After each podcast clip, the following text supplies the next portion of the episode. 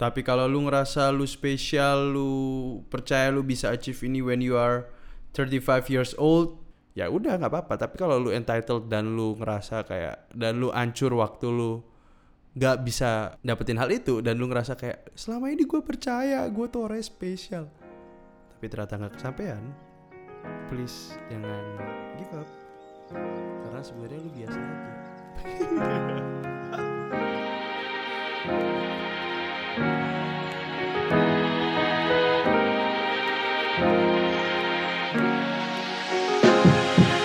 Hey everyone, welcome back to pada suatu ketika episode 38. Hey, gimana kabarnya semua? Episode minggu lalu seru banget ya kita ngomongin tentang ganja. episode kali ini kita ngomongin tentang uh, your well-being, your health, your personal health, your mental health actually. Menurut gue anak muda itu, ya setiap anak muda punya penyakit yang sama, yaitu khususnya milenial zaman sekarang, milenial zaman now, oke? Okay? Penyakit yang pertama yang gua assume everyone has itu adalah entitlement. Jadi kenapa gua ngomong tentang penyakit ini, kenapa gue pin bahas tentang ini? Jadi minggu lalu, minggu lalu gue barusan kelarin sebuah buku. Jangan dibeli bukunya. Well, it's up to you actually. Tapi menurut gue bukunya lumayan jelek sih. Ini salah satu buku yang menurut gue lumayan boring. Judulnya Into the Wild. Segak suka gitunya gue sama bukunya. Ada satu quote yang menurut gue kayak fuck this is so fucking me. Oke, okay, sorry kalau gue ngomong kasar bagi yang anak di bawah umur 17 18 tahun tolong jangan ditiru. Oke. Okay. Quote-nya begini, quote-nya begini, oke. Okay. It is easy when you are young to believe that what you desire is no less than what you deserve. To assume that if you want something badly enough, it is your God-given right to have it. Oke, gue artiin, gue artiin. Sebisa mungkin ya. Sorry kalau artiannya salah ya. Oke, gue baca ini. It is easy when you're young. Jadi kayak itu sangat mudah waktu lu waktu lu muda untuk percaya bahwa apa yang lu pinginin itulah yang lu pantas dapetin.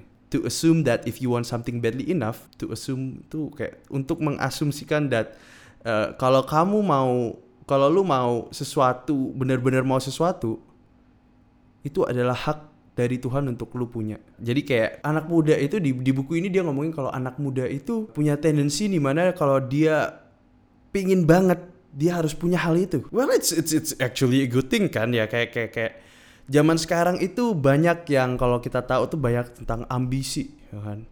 Kayak just do it and everything. Kayak anak muda zaman sekarang itu dibuat gak usah zaman sekarang dulu aja ya buku ini by the way ditulis udah lama banget tahun 90-an 2000-an waktu itu uh, sosial media belum dibuat kayak sekarang. Bayangin aja di mana-mana kalau lu lihat di sosial media. Sosial media zaman sekarang ini ngebuat anak muda lu bisa ngelakuin apa pun. There's nothing that you cannot do. Lu bisa achieve anything that you want. Dan hal inilah yang sebenarnya bikin anak muda zaman sekarang tuh entitled. Dari kecil udah diomongin, lu tuh anak yang spesial nak. Kamu bisa ngelakuin apa pun kamu bisa jadi apa pun. Sebenarnya bagus. Sebenarnya menurut gue itu uh, sebagai orang tua semuanya mau anaknya berambisi besar anaknya uh, in the future bisa sukses ya kan? Meskipun banyak yang sebenarnya anak itu adalah proyeksi dari orang tua. Anyway kita nggak mau ngomong tentang hal itu. Tapi dari kecil kita udah dikasih media yang yang yang kasih kita you can be whatever you want. You can be uh, whoever the fuck you want gitu. Tapi karena kita merasa spesial, karena kita bisa ngelakuin apa pun yang kita mau. Waktu hal itu nggak sesuai sama ekspektasi kita, banyak anak muda yang ngerasa anxious.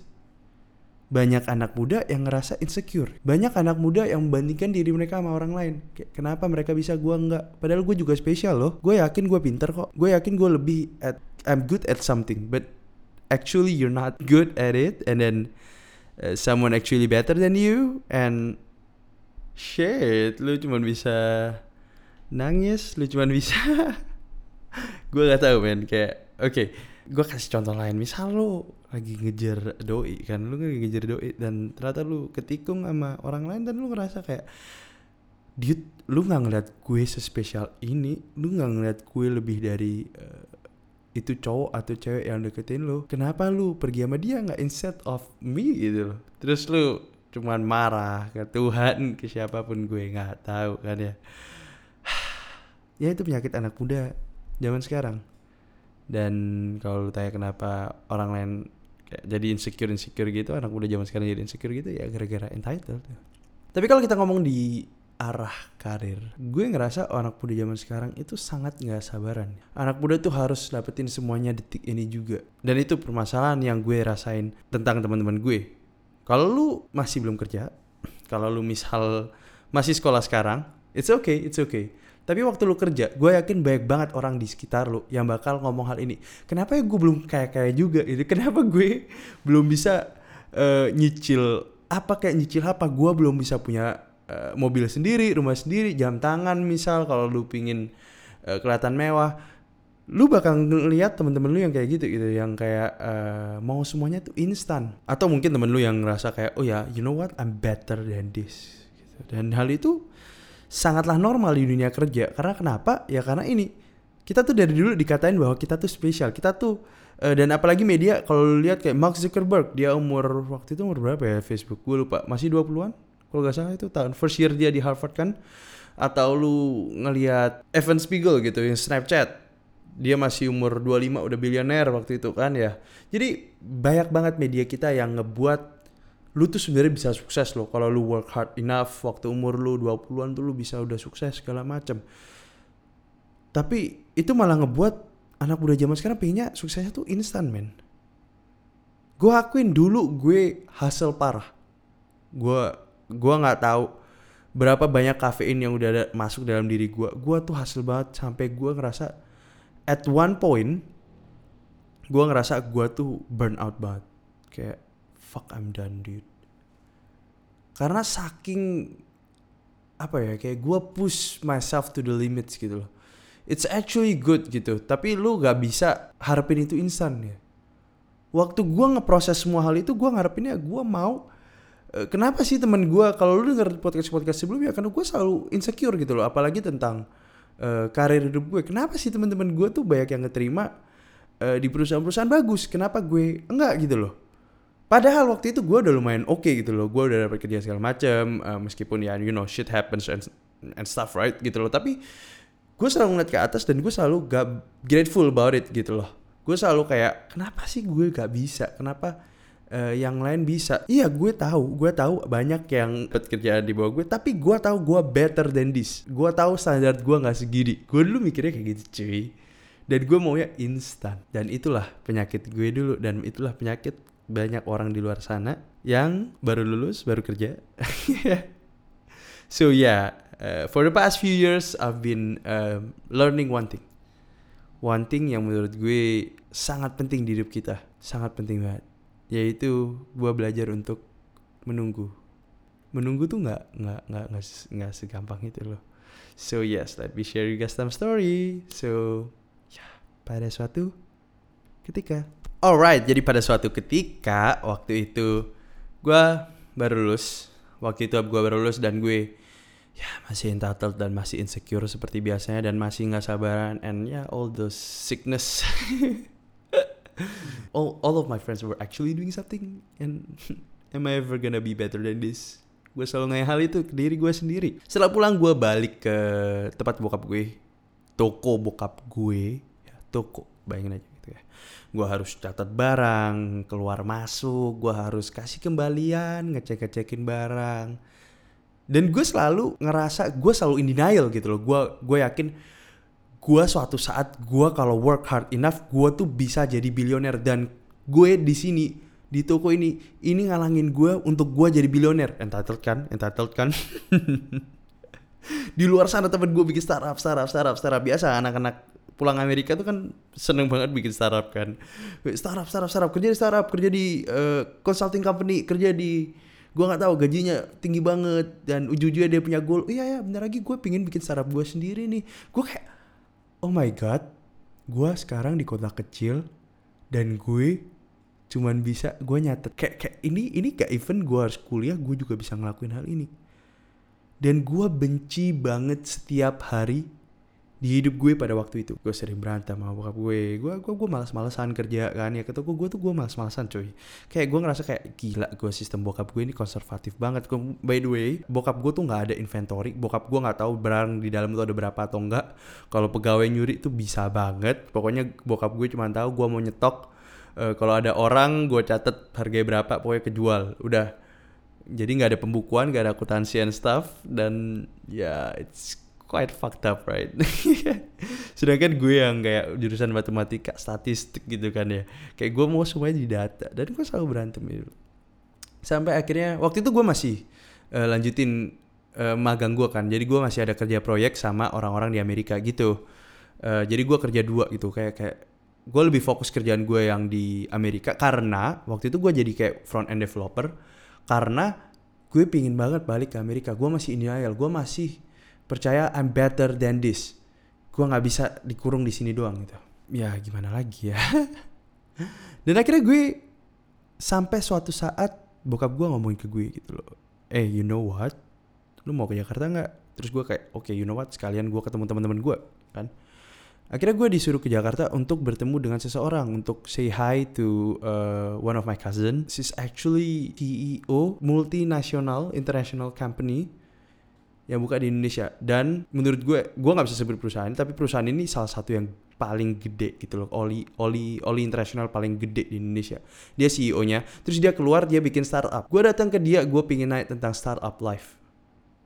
Ya kan? Karena waktu itu gue masih kayak ah, shit gue pingin banget balik ke startup. Gue pingin banget uh, kerja yang agile. Gue pingin banget kayak semua yang gue pakai di kuliah gue tuh terpakai gue ah, biasa penyakit penyakit penyakit akhirnya gue ngomong sama dia dan menurut gue itu trip change my life forever Oke, okay, hold on, hold on, hold on. Oke, okay, gue kasih tahu. Kalau pada denger gue sebelumnya, gue selalu bilang kan, itu tuh cuma tipping point. Sebenarnya hidup lu udah mulai berubah, berubah, berubah, berubah, berubah tanpa lu sadarin. At that moment, at that point of your life itu baru mungkin sedikit beda makanya lu kerasa itu yang gerakin semua hidup lu. Padahal enggak sebelum-sebelumnya itu lu udah ngelakuin something oke okay? dan setelah setelahnya juga. Uh, jadi waktu gue ngomong sama uh, my cousin gue bilang gitu loh gue sebenarnya masih pingin balik ke US dan uh, I don't like this job. I mean kayak I have no other choice gitu kan. Kayak kalau bisa gue pingin ya kerja startup segala macam and ini kerjaan gak scalable gitu loh. Dia langsung ngomong ke gue gini kayak kalau gue jadi lo ya kalau gue jadi lo nggak nggak nggak ngomong lo tapi kayak kalau kalau aku kalau Cici jadi kamu Cici lebih pingin lanjutin kerjaan orang tua yang udah stable daripada harus start everything uh, from zero gitu. Tantangannya memang beda. Sama-sama susah tantangannya kalau kamu kamu harus kembangin kerjaan yang kamu punya. Dan itu nggak itu juga keren kok. Nggak nggak sesaks yang kamu pikir gitu loh. Di situ gue mulai ngerasa apakah gue sebenarnya pingin kerja startup itu apakah karena gue pingin proof a point apakah karena gue pingin dapat acknowledgement and insecurity gue gue penuhin? Yang lu pada tahu kan kalau lu coba penuhin semua insecurity lu pada lu pada kayak nggak bakal dapet apa-apa.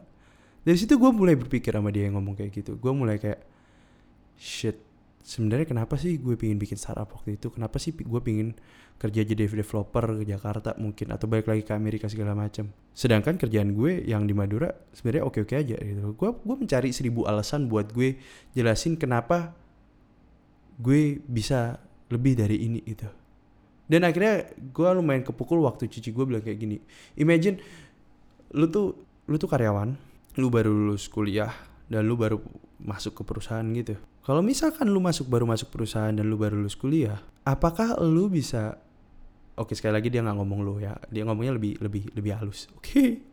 intinya dia ngomong kayak apakah lu bisa langsung ganti semuanya gitu menurut lu kayak masuk akal nggak CEO-nya tiba-tiba kayak dengerin anak yang baru lulus kuliah mau kuliah S2 kayak atau Harvard gitu ya tapi pengalaman nol nggak ngerti industrinya apa tiba-tiba masuk.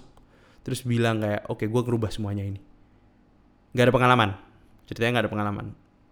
Pengalaman cuma magang berapa kali gitu. Magang 6 bulan total 9 bulan.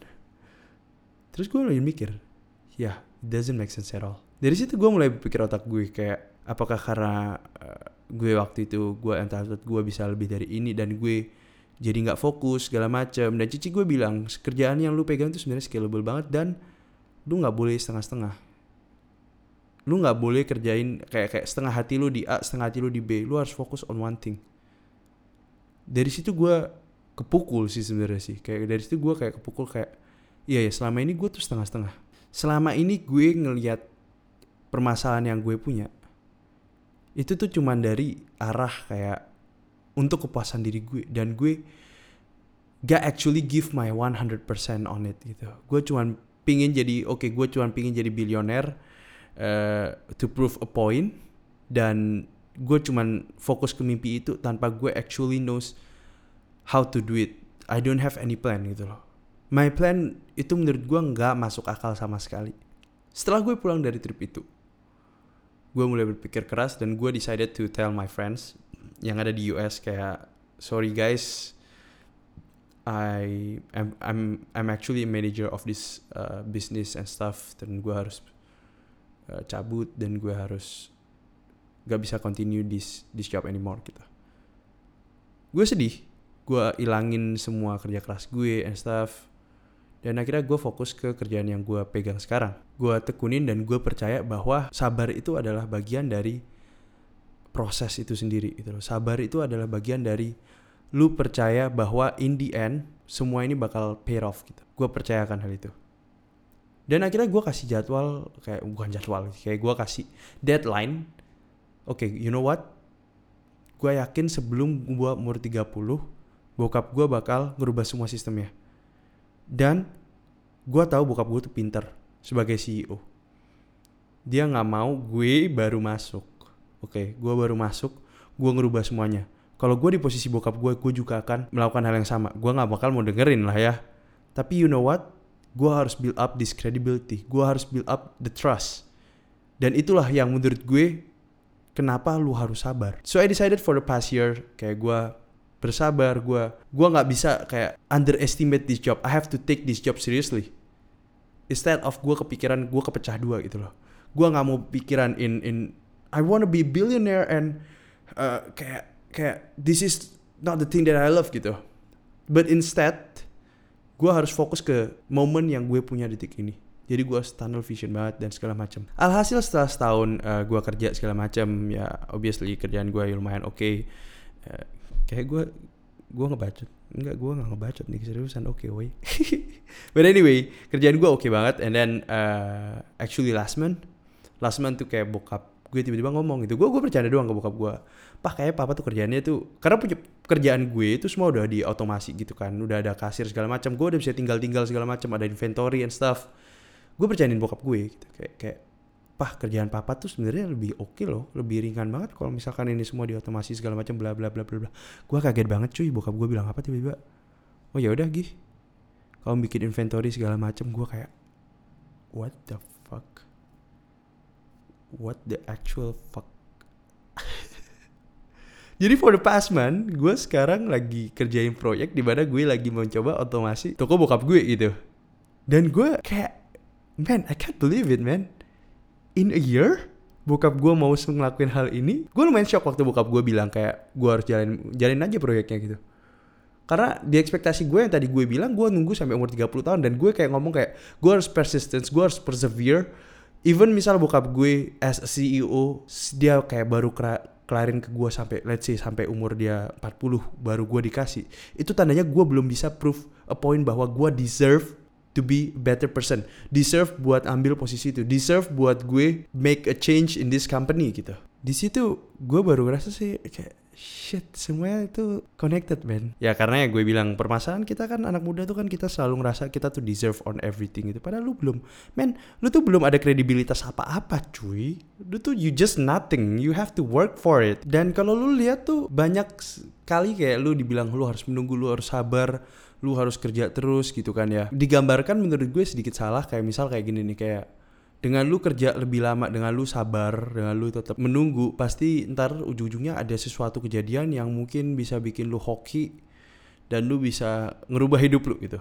Sering kali kan digambarkan seperti itu. Misal kayak lu uh, ngegali-gali terus tiba-tiba mau sampai berlian dan digambarkan satu orang ini stop uh, satu lagi digali-gali dan dia gali terus sampai ke ujung akhirnya dapat berlian gitu loh. Sebenarnya enggak. Yang penting itu bukan di resultnya gitu loh. Yang penting bukan dengan lu menunggu lu pasti dapat berlian itu dan lu cuma nunggu poin yang tepat aja gitu dan lu actually nggak enjoy the process gitu. Kayak kalau lu nunggu terus obviously lu dengan lu nunggu dan lu nggak actually dengerin mentor lu lu nggak coba buat build the trust lu nggak coba buat give your 100% ya obviously lu it leads to nothing lu nggak bakal bisa lu ngarepin tiba-tiba lu dapet promosi dengan alasan tidak jelas. Oh ya kak saya kamu udah kerja di sini 20 tahun gitu ya. Kerjaan kamu biasa saja jadi kamu bakal jadi CEO nya man gue mending hire orang kayak 4-5 years tapi emang uh, kerjanya bagus give 100% daripada yang udah kerja 20 tahun tapi kerja males-malesan. Yang penting gue masuk aja deh. Gak actually kasih impact to the company. Ngerti gak sih buat gue mm, lu tuh nunggu bukan berarti lu menyerah gak berarti lu nggak take try to take any opportunity gitu menunggu berarti lu mencoba sabar dan lu mencoba grateful with the process you trust the process That's the most important part of it gitu. Jadi beberapa minggu lalu gue ketemu sama teman gue kan, gue ketemu sama teman gue, teman gue tuh suka banget loncat loncat men. Teman gue tuh suka banget uh, kayak baru enam bulan kerja pindah, enam bulan kerja pindah, enam bulan kerja pindah. Dia pingin tajir cepet. Dia ngeliat temennya baru dua tahun kerja udah punya mobil. Anak muda zaman sekarang. Anak muda zaman sekarang selalu selalu selalu selalu selalu. Gak sabaran karena temennya punya suatu hal dia harus punya juga karena dia juga spesial. Padahal nggak men. For your information the average average uh, startup founder itu mereka 39 years old tuh. Gue tadi cek based on research some university lu bisa Google itu kayak 39 kalau salah atau 40 tahun. Yang lu lihat di media itu karena mereka muda dan mereka bisa jadi bilioner, makanya disorot media. Lu nggak bisa patokan ke orang-orang kayak mereka itu loh. Kalau memang mimpi lu adalah jadi seorang orang yang kaya raya, lu nggak bisa patokan ke mereka, men. Lu harus patokan ke average people gitu loh, 40 years old gitu. Tapi kalau lu ngerasa lu spesial, lu percaya lu bisa achieve ini when you are 35 years old, ya udah nggak apa-apa. Tapi kalau lu entitled dan lu ngerasa kayak dan lu ancur waktu lu nggak bisa dapetin hal itu dan lu ngerasa kayak selama ini gue percaya gue tuh orang spesial. Tapi ternyata nggak kesampaian please jangan give up. Karena sebenarnya lu biasa aja. But but but but but, uh, but that's but that's it guys for my podcast I really hope you learned something uh, from today's podcast. I want you to be less entitled. I want you to be able to be more patient in life. Jadi please trust the process, build up your credibility, and yeah, good luck for your life, I guess. Hey everyone, thank you banget udah dengerin PSK Podcast sampai akhir. Di kesempatan kali ini gue mau ngucapin thank you banget dan gue nggak ada yang mau gue omongin. Don't forget to follow IG-nya PSK Podcast. We're gonna talk about this and don't forget to follow don't forget to uh, contribute. DM me if you want something to share if you want let's say kayak kak ternyata gue nggak sespesial itu ya. Enggak enggak. Lu nggak sespesial itu gitu. Jadi kalau lu misalkan gagal di hidup lu ya ya udah. Gagal aja lah. Yang penting lu harus bangkit. That's the most important part in life adalah dengan lu bangkit bukan lu tetap ngedelosor ngedelosor apa sih bahasa Indonesia? Gue nggak tahu. But anyway ya yeah, thank you so much guys sudah dengerin. I'll see you guys next week and see ya